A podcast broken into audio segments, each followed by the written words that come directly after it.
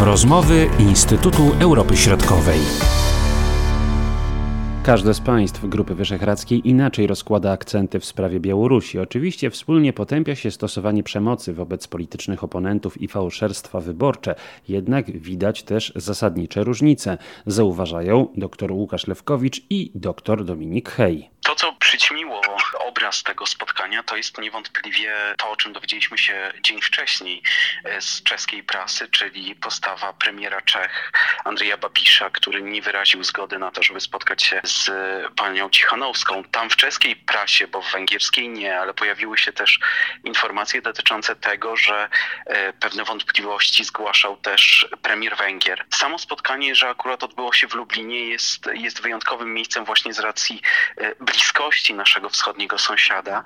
Natomiast to, co zwraca uwagę, e, analizując to z węgierskiej perspektywy, to jest to, że tak naprawdę o tym spotkaniu, nawet kiedy ono już trwało, nie donosiła w ogóle węgierska agencja prasowa. Tak naprawdę pierwsze komunikaty pojawiły się mm, po konferencji prasowej, natomiast w momencie, kiedy już wiedzieliśmy, że to spotkanie trwa, to na mm, portalu społecznościowym węgierskiego premiera nie było głosów dotyczących Białorusi, tylko tego, że Grupa Wyszehradzka musi stanowić pewnego rodzaju wyspę oddzielną prawnie, która obroni się przed koronawirusem i rządzić się będzie swoimi prawami. I to było coś, co z węgierskiej perspektywy miało być priorytetem, e, czyli tak naprawdę wszystko, co jest związane z COVID-em, natomiast na pewno nie kwestia Białorusi. No to bardzo ciekawe. Z polskiej perspektywy, no jednak koncentrowano się y, w dużym stopniu, może nawet największym, na tej problematyce białoruskiej, a zupełnie inaczej to wygląda z perspektywy węgierskiej, jak mówił pan Dominik, no inaczej pewnie z perspektywy słowackiej i czeskiej, panie Łukaszu. Trzeba dodać,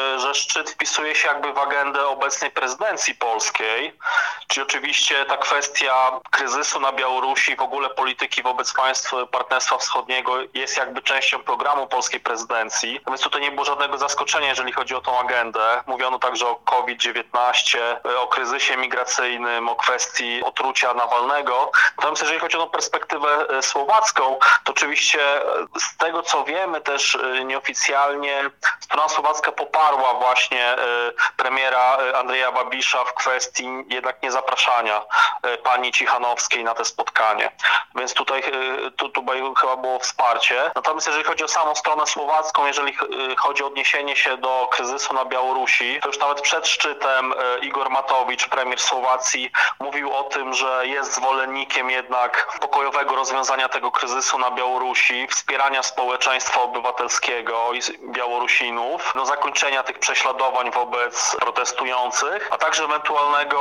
przekazania stypendiów dla białoruskich studentów, którzy ewentualnie zostaną wyrzuceni z uniwersytetów za udział w tych protestach. Ale generalnie y, Słowacja y, jest jakby w mainstreamie Unii Europejskiej, a także zgodziła się z tymi konkluzjami szczytu w Lublinie. To niezapraszanie na spotkanie pani Ciechanowskiej, no właśnie jak należy odczytywać? Czy to jest taki sygnał, że no jednak jesteśmy pogodzeni z tym, co się dzieje na Białorusi i jakby zapraszanie pani Ciechanowskiej na tego typu spotkanie będzie nam utrudniało w przyszłości relacje z prezydentem Łukaszenką? Tak to należy E, czytać, panie Dominiku? To z węgierskiej w dwóch punktach należy to wskazać. Z jednej strony pamiętajmy, że 3 mm, czerwca, jeśli dobrze pamiętam, 2 bądź 3, Viktor Orban udał się z pierwszą wizytą na Białoruś właśnie do Aleksandra Łukaszenki, e, z którym e, wskazał, że Węgry są aktywnym członkiem Partnerstwa Wschodniego, przy czym pamiętajmy, że w Partnerstwie Wschodnim polityka Węgier wobec Ukrainy jest, jest zupełnie sprzeczna z, z założeniami w ogóle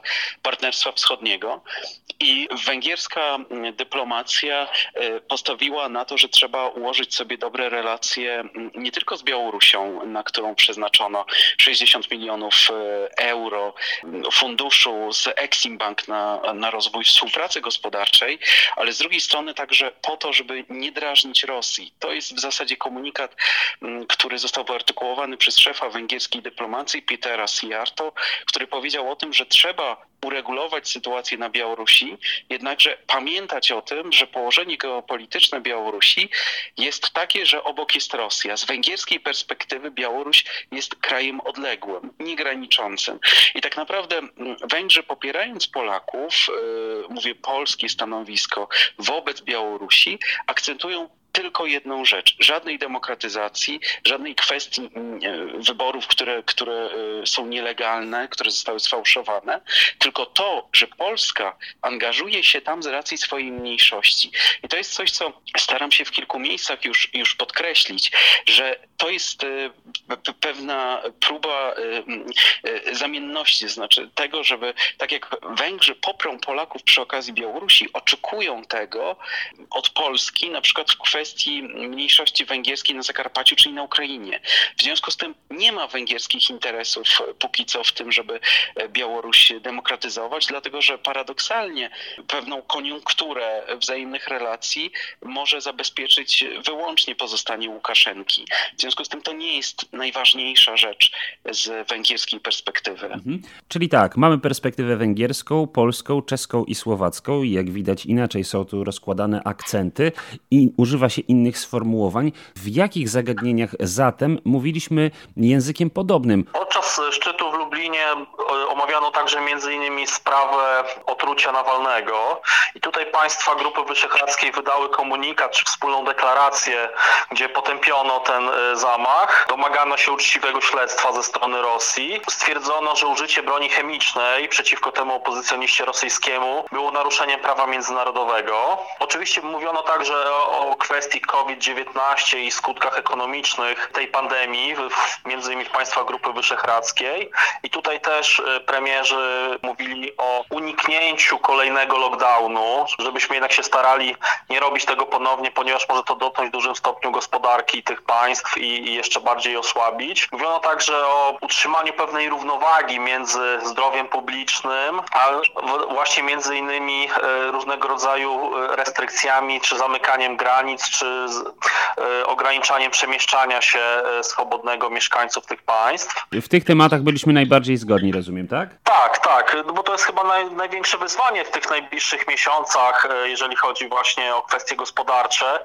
No I pamiętajmy, że też w programie prezydencji polskiej, w Grupie Wyszehradzkiej, te kwestie COVID-u i wychodzenia jakby z pandemii, to jest właściwie większość tego programu, tak? To jest większość e, tych zakładanych działań na ten rok. Wspomniano także kwestie e, migracyjne. To mówiono między innymi o tym podpaleniu obozu dla uchodźców tej Mori w Grecji. Premier Morawiecki zapowiedział rozmowę z premierem Grecji i chęć pomocy, tam poprzez przesłanie e, domów modułowych e, właśnie do Grecji dla, dla migrantów. Więc to też była taka jeszcze ważna kwestia, którą tam podjęto między innymi.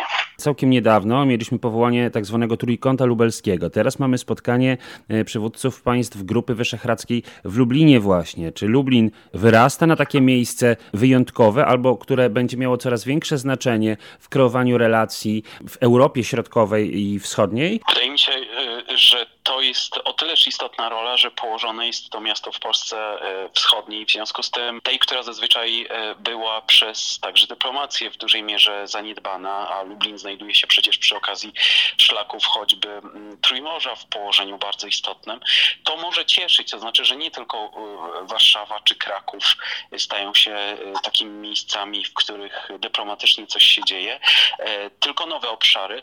To jest też oczywiście położenie Lublina, to co wspomniałem na, na początku przy okazji kwestii białoruskich, wydaje się najlepszym oczywiście z możliwych. W związku z tym e, to miejsce, tak jak mówił też Łukasz, e, nawet nie powinno dziwić, ale też cieszyć winno przy okazji, że, że jest czymś nowym, że, że choćby w relacjach premierów, które mm, zostają zamieszczane w mediach społecznościowych, ich śledzący, obserwujący mogą poznać nowe miasta. Mówili Łukasz Lewkowicz i Dominik Hej. Marcin Superczyński. Do usłyszenia. Były to rozmowy Instytutu Europy Środkowej.